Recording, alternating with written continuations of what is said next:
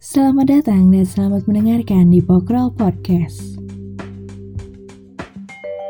Hai warga podcast, kalian apa kabar? Kamu yang sedang mendengarkan podcast ini, semoga dalam keadaan yang baik-baik aja ya. Izinkan aku untuk menemani beberapa menit ke depan dengan pembahasan hukum ketenaga kerjaan. Nantinya kamu bisa mendengarkan dan kita akan bersama-sama untuk belajar tentang hukum ketenaga kerjaan. Harapannya kita itu bisa makin paham akan hak dan juga kewajiban pekerja yang dilindungi oleh hukum di Indonesia, terutama dalam Undang-Undang Nomor 13 Tahun 2003 tentang Ketenaga Kerjaan. Dan rasanya podcast ini tuh penting banget karena ternyata ada sebuah urgensi tersendiri loh teman-teman. Yang mana ini akan sangat berguna untuk menambah wawasan tentang hukum untuk teman-teman juga nih yang pada saat ini yang udah terjun ke dalam dunia kerja atau mungkin buat teman-teman para job seekers di luar sana ataupun kamu bahkan siapa pun itu ini tuh akan menjadi sebuah pengantar ini bisa menjadi sebuah ilmu baru yang penting untuk dipelajari ya untuk mempersiapkan diri sebelum pada akhirnya masuk ke dalam dunia kerja. Karena ternyata teman-teman, siap ataupun nggak siap, percaya ataupun nggak percaya, permasalahan hukum dalam ketenaga kerjaan itu kerap terjadi dan Undang-Undang Nomor 13 Tahun 2003 tentang ketenaga kerjaan ini hadir untuk memberikan kepastian hukum, untuk menjamin perlindungan hukum, dan juga tentunya mengatur hubungan hukum antara pekerja dan pengusaha. Sehingga nantinya itu bisa tercipta sebuah keseimbangan hak dan juga kewajiban dari masing-masing pihak. Dan di episode awal ini, aku tertarik banget untuk ngomongin salah satu hal yang mungkin udah pernah kalian dengar atau mungkin bahkan udah pernah kalian alami, yaitu tentang probation. Nah, probation ini atau masa percobaan kerja adalah sebuah waktu. Sebuah waktu di mana pekerja yang baru aja di hire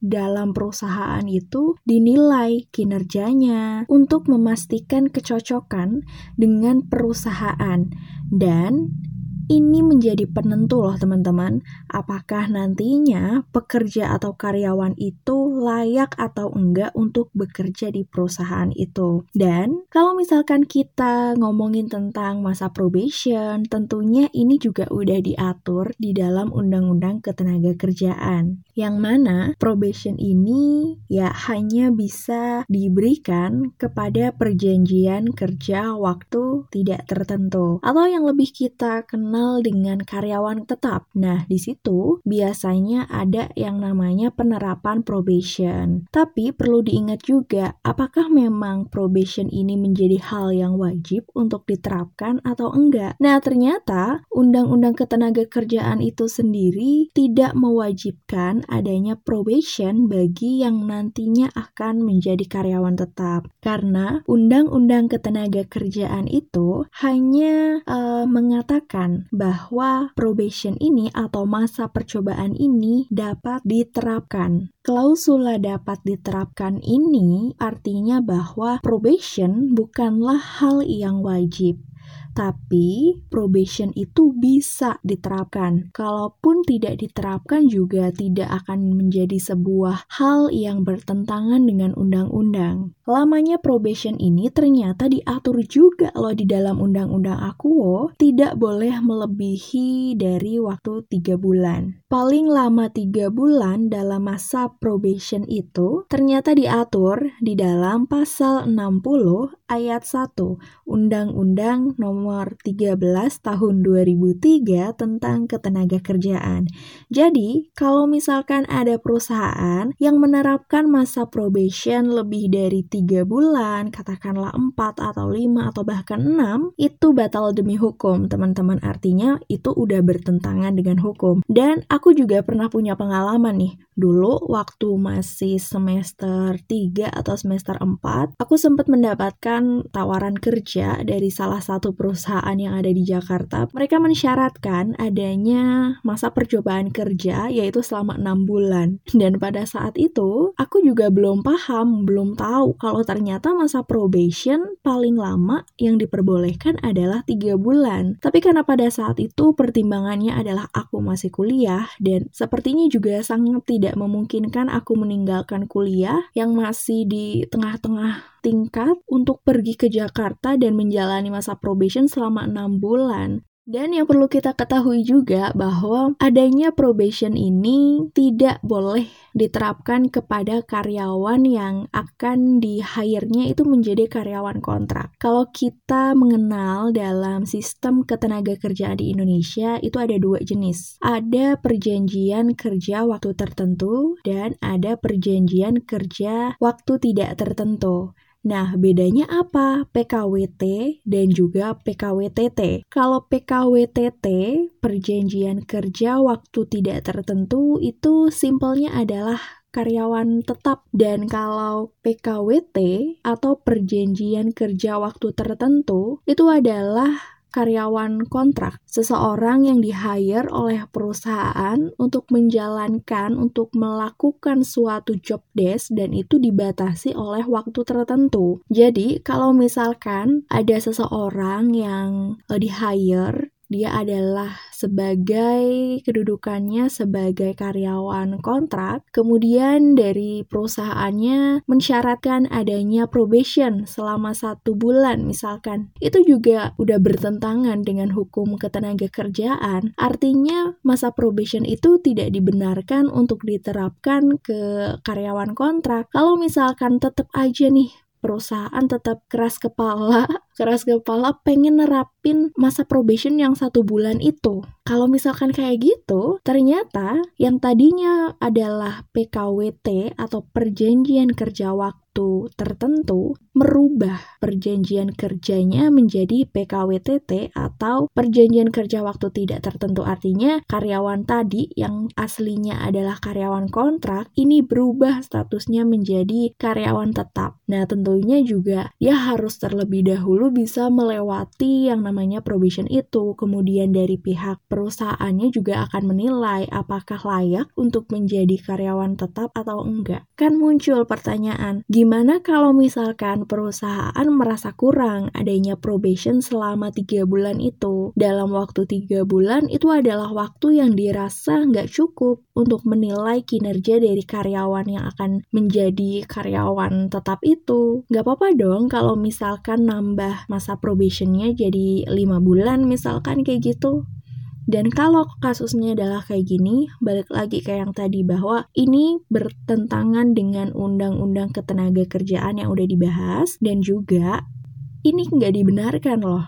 Kalau misalkan perusahaan pengen menilai gimana kinerjanya dari karyawan itu ya kenapa nggak dari awal perjanjiannya adalah PKWT atau perjanjian kerja waktu tertentu kan bisa dikontrak selama satu tahun. Selama satu tahun itu bisa dievaluasi kinerjanya. Apakah memenuhi standar dari perusahaan atau enggak. Kalau misalkan enggak, ya udah berarti kontraknya diputus dari situ.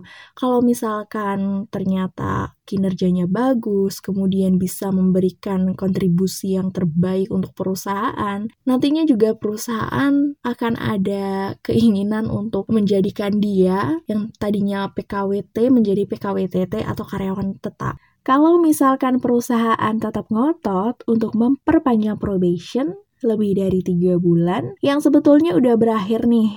Maka perjanjian itu dihitung sebagai awal menjadi karyawan tetap. Jadi misalkan kamu udah probation selama tiga bulan, dalam maju ke empat bulannya ternyata perusahaan tuh menilai bahwa ini tuh masih dalam masa probation, ini tetap masa probation di bulan keempat. Kalau kita lihat ke dalam undang-undang, selain itu bertentangan dengan undang-undang ketenaga kerjaan, menyalahi aturan, menyalahi hukum, dan di bulan keempat itu juga sebetulnya kamu sudah dihitung, sudah dianggap melakukan pekerjaan sebagai karyawan tetap.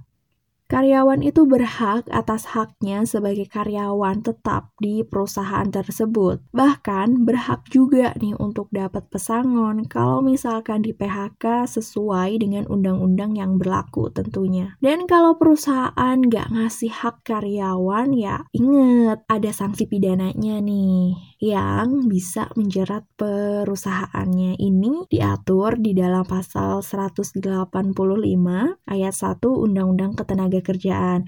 Sanksi pidananya juga lumayan loh. Paling singkat yaitu satu tahun penjara dan paling lama adalah empat tahun penjara atau denda paling sedikit 100 juta rupiah dan paling banyak 400 juta rupiah. Tentunya lamanya, besarannya denda ini yang nentuin adalah hakim dalam persidangan. Untuk perjanjian kerja yang mensyaratkan adanya masa percobaan kerja ini, tentunya harus dicantumkan dalam perjanjian kerja. Kita tahu kalau perjanjian kerja itu bisa bentuknya tertulis, bisa juga lisan loh teman-teman. Kalau misalkan lisan nih, yang perlu diperhatikan adalah harus diberitahukan terlebih dahulu kepada pekerja dan nantinya ini dicantumkan ke dalam surat pengangkatan sebagai karyawan tetap. Kalau misalkan nggak ada kayak gini, maka probation itu dianggap nggak pernah ada.